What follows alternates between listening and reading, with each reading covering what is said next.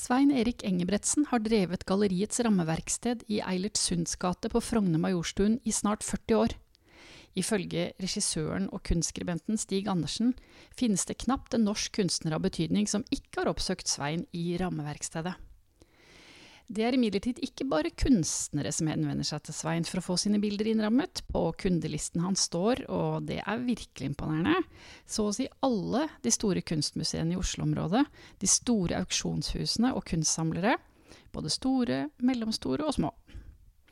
I 2016 ble det også kjent for enhver at Svein og kona hans Annelise helt siden 1979 har samlet på kunst av Olav Kristoffer Jensen, og samlingen ble vist på Lillehammer kunstmuseum det året da Svein fylte 70.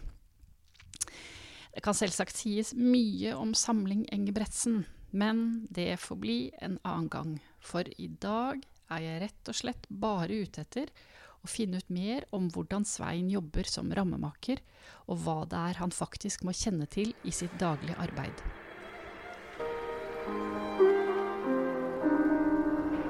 Det finnes veldig mange spennende folk i kunstfeltet, og her får du møte noen av dem. Dette er Kunstavisen podkast, og jeg heter Mona Gjessing.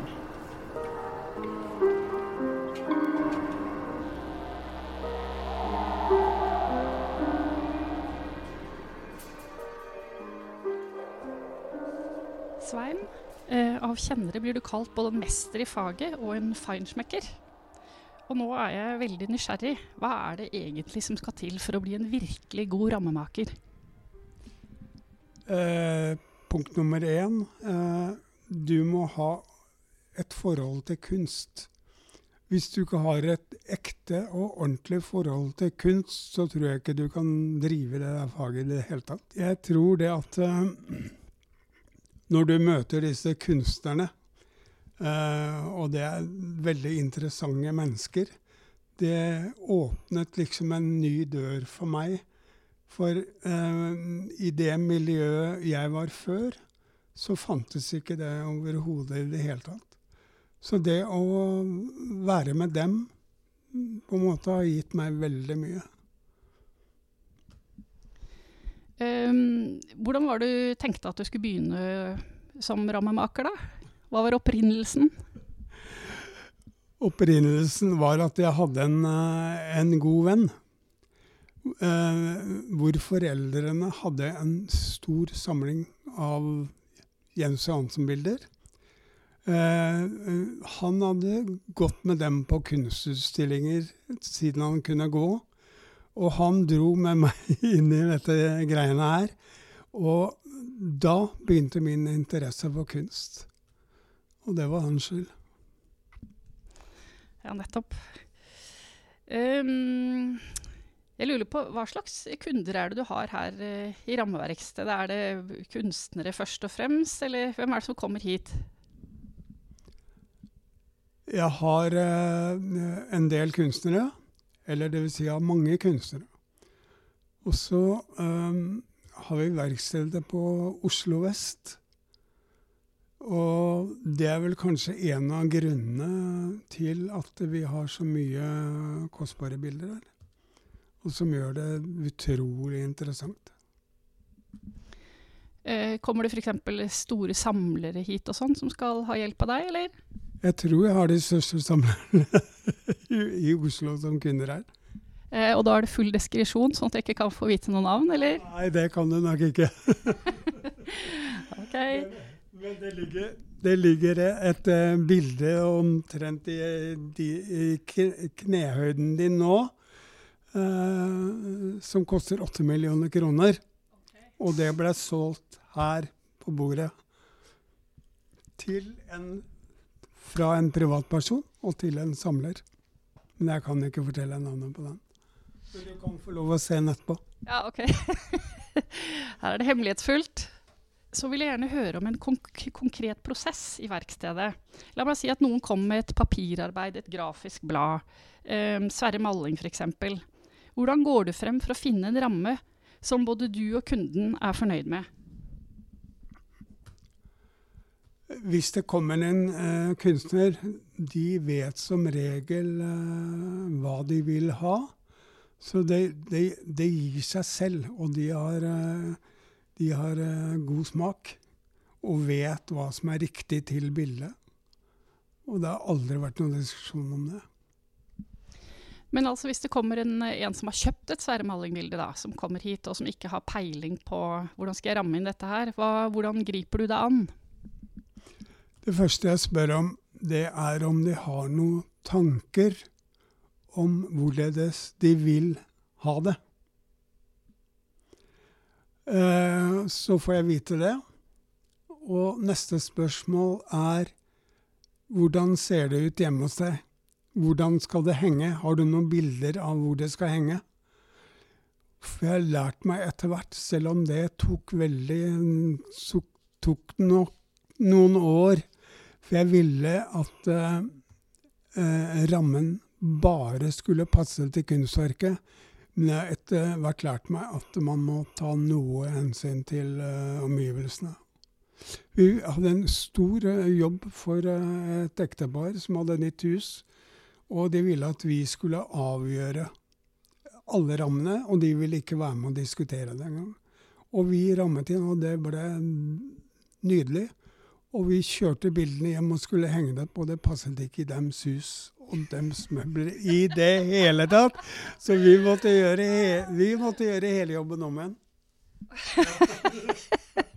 og hvordan takler du sånne eh, liksom, eh, så nesten nærmest mislykkede innramminger? men det var, det var, veldig lærerikt, for jeg tenkte nå må jeg ta meg sammen. Og så må jeg ta litt hensyn, litt hensyn til omgivelsene, og ikke bare bildene. Men hva var det som krasjet egentlig da, mellom eh, rammene og bildene og det hjemmet, hvis du kan si det uten å liksom ut, utlevere noen? Vi eh, rammet inn bildene sånn som eh, moderne bilder skal eh, rammes inn. Mener vi som jobber her. Hvordan er det? det er veldig enkle rammer. Med veldig enkle, men veldig solide og veldig ordentlige rammer. Men det passet Det ble for stor kollisjon til barokkmøbler og alt mulig rare greier. Så det, det passet ikke. Så Og så var det, eh, eh, messing potteskjulere på alle blomsterpottene av alle vinduene. Og fruene i huset ville da ha mer messingrammer. Selv om ikke det overhodet passer til de blå bildene.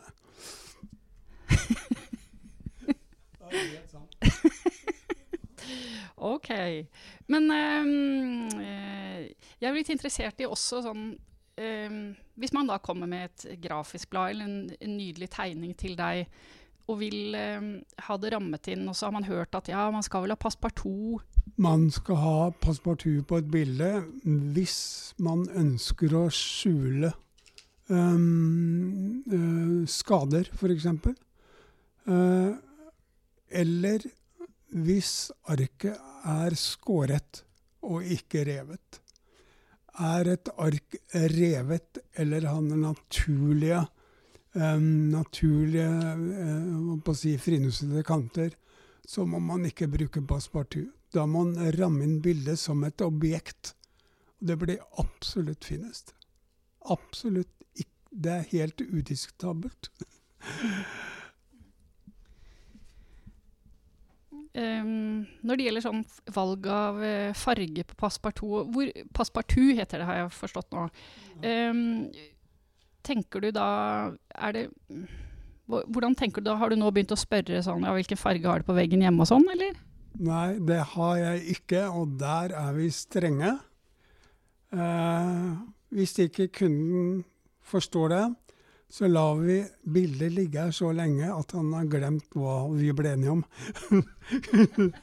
ja, men du gjør det. det det er, helt sant. Og det har skjedd et par ganger i løpet av uh, eh, 40 år, så det er ikke så verst. Har det hendt at du har liksom avvist en kunde til slutt, eller bare sagt at uh, 'jeg kan ikke gjøre denne jobben for deg'? Nei, aldri. Det har ikke Det har ikke skjedd. Men uh, litt om farger på passepartouten. vi har én regel. Um, jeg vet ikke om det er vi som har laget den, men um, jeg sier det, den er internasjonal, så den kan jeg ikke gjøre noe med.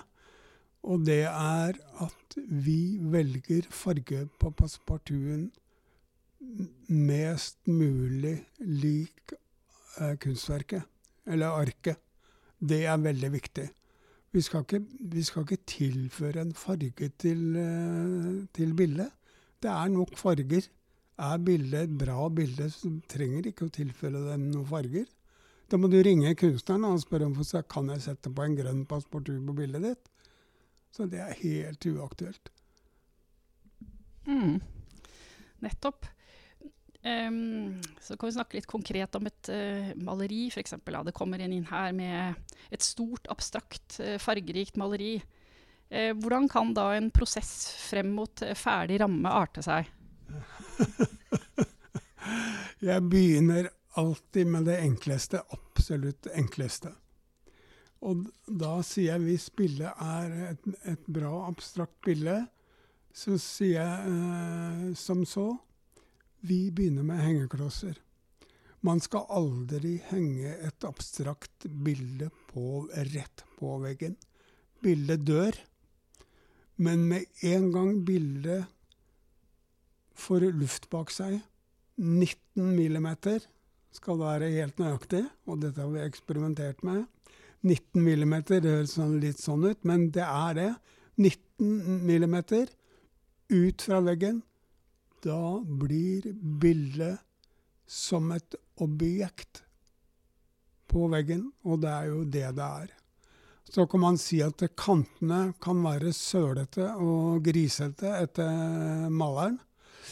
Da, eh, da, eh, med, med, da sørger kunstnerens tillatelse retusjerer vi det, eller så setter vi på et reversibelt kantbånd og maler det i lerretsfargen, og det er ingen som ser det. Og det er reversibelt, så det kan du ta av når som helst. Og maling av sølet under, det sitter igjen. Så det er også noe en rammemaker holder på med. Jeg har tenkt på de klossene på baksiden av bildene. Det, det, kan ikke kalles innramming, vel? Nei, det kan ikke kalles innramming. Men neste steget er en innramming. Og det er en kasseramme det, det, er det eneste man kan sette på, på, abstrakte bilder. Vi har ikke kunnet finne fram til noe annet. Kan du beskrive Hva er en kasseramme, egentlig? Det er en L-formet uh, profil. Uh, hvor vi setter den syv millimeter fra kanten rundt. Så du får en spalte med luft rundt. Og så går den ned på siden og så inn bak. Inn bak, og der klosser vi opp maleriet sånn at den ligger to millimeter bak fremkanten på rammen.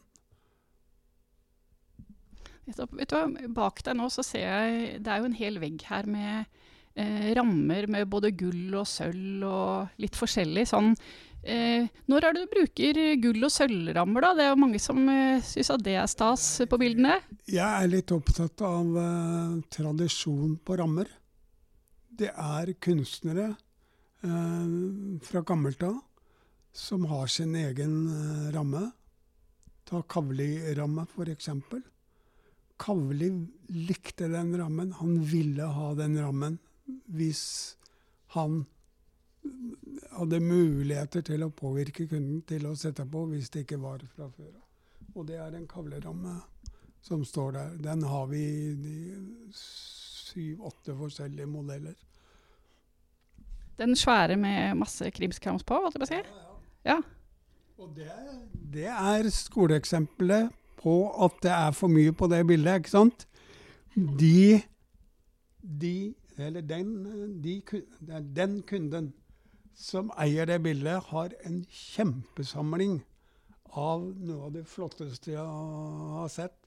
Og de henger etter hverandre i et rom som er 20-30 meter eh, langt. Og nå er vi i ferd med å skifte de rammene. De orker ikke rammene mer. Nei, det er helt sant. Det er, det er, rik ornamentering, og det er jo flott, da. Det, det er over 70 år. De er over 70 år. Og det har plutselig kommet til hvor stygge de rammene er på bildene. og vi har begynt, og det er blitt så fint at du mm, Ja, det må jeg få lov å si, altså. Men foruten estetiske ja. Helt det enkle, enkle gullrammer, men ikke med all den ornamentikken som er der.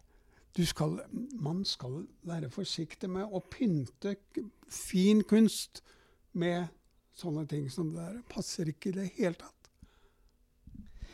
Um, I min uvitenhet så har jeg tenkt at det, når man har satt et, en, en, ramme på et bilde, så er det, det sånn bildet blir hengende resten av tiden.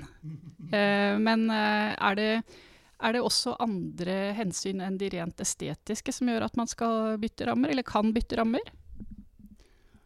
Uh, jeg tror at folk, si, ettersom de blir eldre, også skifter smak og det en dag så ser de hvor feil det er å ha en sånn ramme på et uh, sånt bilde. Nettopp. Men ja. jeg, må få, jeg, må få, legge til én ting som er viktig. Jeg sier ta vare på originalrammen.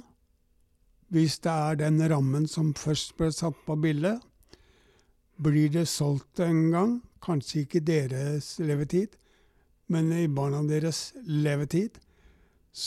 For en samler så betyr originalrammen nesten like mye som bildet. Så vi pakker inn bildet, setter navn og adresse på rammen, og så har dere den i tilfelle dere treffer på et menneske som er opptatt av originalen. Det er viktig. Men er det sånn at hvis, at uh, hvis, man bytter ramme og skal selge bildet, så kan man risikere da å få mindre for bildet, hvis det er salg det dreier seg om? Ja, hvis de som er interessert i å kjøpe det bildet, vet at det har en annen ramme, så vil det trekke prisen ned. Akkurat. Du rammer inn fotografier også, ikke sant? Tom Sandberg. Noen kommer inn med et fantastisk eh, fotografi av han. Eh, har du da en sånn standardformular, eller er det også individuell innramming eh, der? Nå har Tom Sandberg vært kunde hos meg fra 1979 og fram til han døde, på godt og vondt. Eh, jeg har en del tomme Samar-bilder. Og vi hadde en fast oppskrift på det. Tom elsket hvite rammer. Så fikk jeg en etter hvert eh, Kjenner du gråskalaen? Den begynner på hvit, og så er det 0500, og så er det 1000, 1500, 2000. Opp til 9000, og da er den sort. Etter hvert så prøvde jeg å få han til å gå over til S0500N, som gir en liten, liten tanke med grått i det hvite. Og det, det var vellykket. Men ellers så er Tom Samarbiller Ville Tom skulle ha hvite rammer.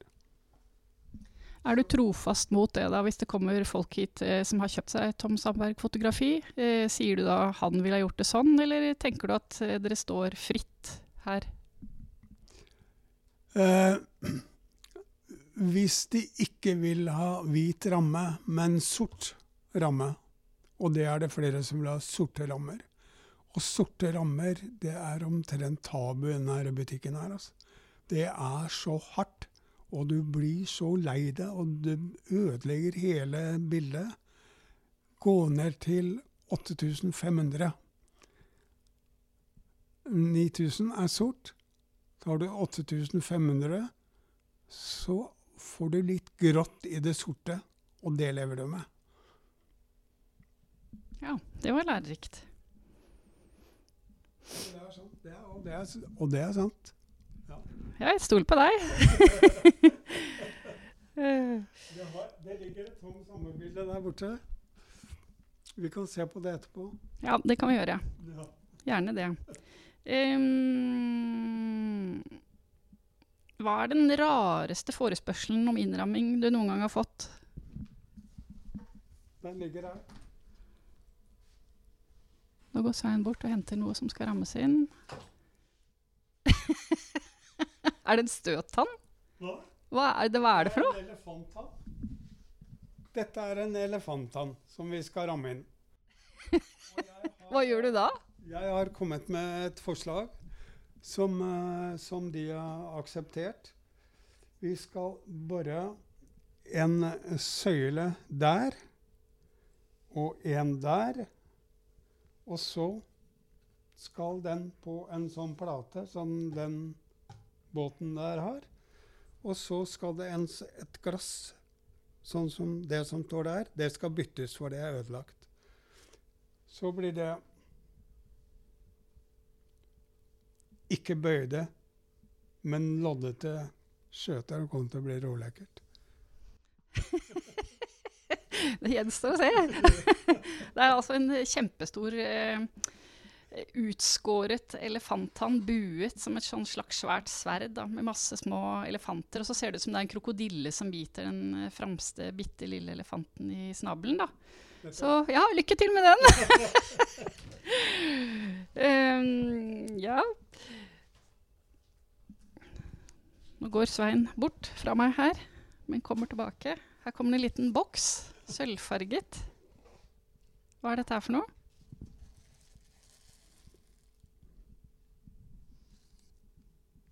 Den er vi snart ferdig med å ramme inn.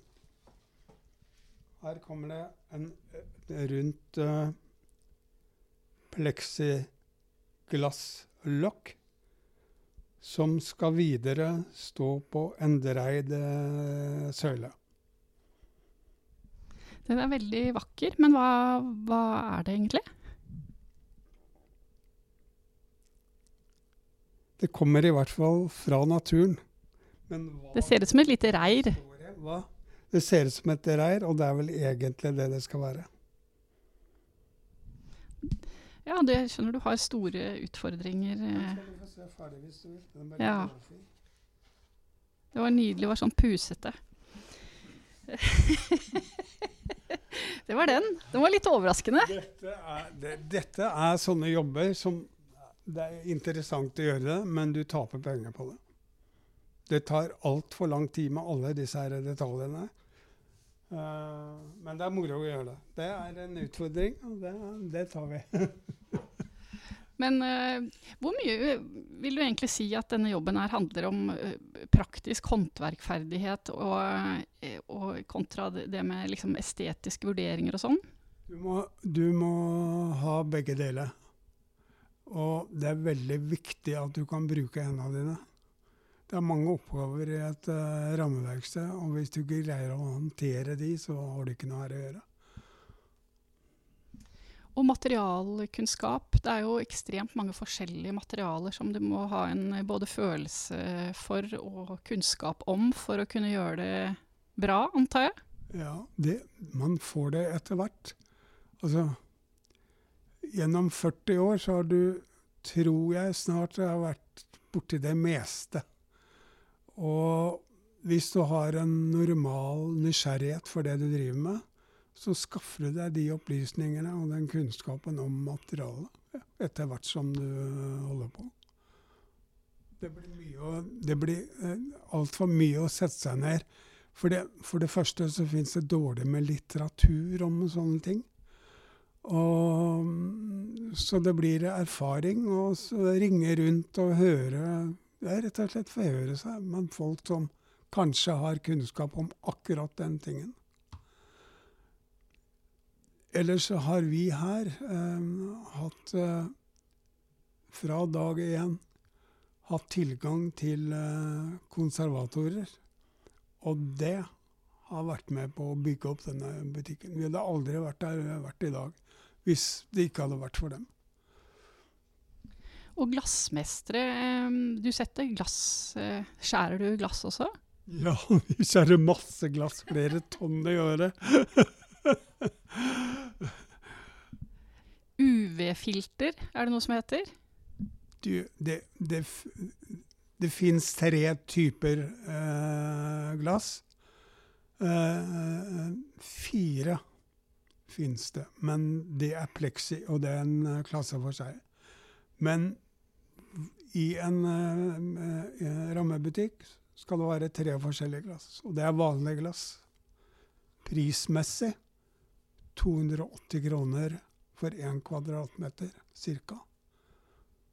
Det har en UV-sperre på 40. Alt glass, uansett vindusglass eller hva det er, har en UV-sperre som det får i seg når det blir laget av sola, sand og kalk. 40% Så går vi opp til verdens beste museumsglass som, på, som kom på markedet i fjor eller forfjor, jeg husker ikke helt. Det har en US-sperre nå på 99% og det er helt utrolig. Det forrige glasset var på noen 80. Nå har de greid å lage et på 99, og det er optisk hvitt. Tenk på det. Det er uten fargeforvrengninger. Et UV-glass i gamle dager hvis du, hvis du, skulle finne en passepartoutfarge på et bilde, så måtte du ha en glassbit ved siden av deg og legge oppå for å se om det ble riktig, for eh, passepartouten forandret farge. Så ille var det. I dag er det optisk hvitt, og 99% Det er helt utrolig. Så kan man ta det samme Det koster eh, ca. 1100-1200 kroner per kvadratmeter. Hvis prisen er noe interessant i det tilfellet her. Så har vi verdens dyreste og beste glass det koster 2340. Hva er det? Det har 99% usperre.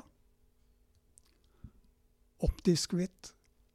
Og 80% refleksfritt. Jeg tenkte på en ting, Det er litt sånne uh, tabloide spørsmål her, men hvordan er den ideelle kunde? Hvordan er uh, han eller hun? Eller hen? den ideelle kunde jeg, for å være helt ærlig, så har jeg bare én vanskelig kunde. Resten er bare hyggelige mennesker. Hvem er det? Det, det vet vedkommende, så jeg håper han hører dette intervjuet. Men vi blir enige hver gang, men han er veldig vanskelig. Ja, nettopp. Du møter jo mange mennesker. Hvor mange, mange tusen mennesker har du vært innom her i løpet av 40 åra? Det aner jeg ikke, men det er mange. Det er veldig mange. Og de kommer igjen og igjen og igjen. og igjen. Det er, det er et godt tegn? Ja, det er et godt tegn. De er fornøyde. Og vi sier alltid du, Nå tar du med den rammen hjem, henger den opp. Og hvis det er det minste du ikke er fornøyd med, men da skal du ikke Du skal bruke mer enn en uke. Du skal bruke et par-tre måneder kanskje, og se var det sånn jeg forventet? Og hvis ikke, så kommer det igjen, og så forandrer du det og koster deg ingenting. Jeg har ikke hatt én i retur. Jeg gratulerer. det er hyggelig. det, er sant. ja. Det, det, tviler jeg ikke på. Um, helt avslutningsvis, er det noe som ligger deg på hjertet om innramming, sånn som du har tenkt at det vil jeg bare få sagt en gang for alle, eller er det noe, du, noe på hjertet her? om innramming. Jeg skulle ønske jeg var med å starte Rammebransjeforbundet i Norge. Og har brukt ti år av livet mitt på det. Det har ikke gått så mye utover jobben, men det har vært kolossalt mye arbeid å, å få i stand en organisasjon som kan snakke sammen, um, leie inn eh, papirkonservatorer, bli holdt foredrag, Uh, gjerne et norgesmesterskap uh, i innramming, som vi har hatt. Uh, og vi fikk Det var tre av oss som startet dette. her. Vi fikk så lite respons, for vi ville dra det litt lenger. Vi ville ha det på Vi ville ha det som et fag som et eget fag. Og jeg har vært og flydd i alle de ganger som finnes. Men vi fikk til svar, um, og det ble ordentlig behandlet, at det var for få elever. Så man kunne ikke få en hel klasse. Man fikk tre-fire stykker, kanskje. Og det, ikke, det ble for kostbart, rett og slett, til å, til å få det som eget fag. Så tenkte jeg OK, det er greit. Da tar vi det på nordisk plan. For da blir det plutselig en full klasse, ikke sant? Og satte i gang og hadde møte med svensker og dansker. Men for dårlig oppfølging av medlemmene. De ville ha det på fat, ikke sant. Det gikk ikke. Til slutt så meldte jeg meg ut av Rammebransjeforbundet i ren protest. Ja. Sverige, de tok det. De tok det. De har verdens flotteste innrammingsskole. Eget fag, og du får diplom. Fantastisk. Men svenskene er jo alltid flinke. Denne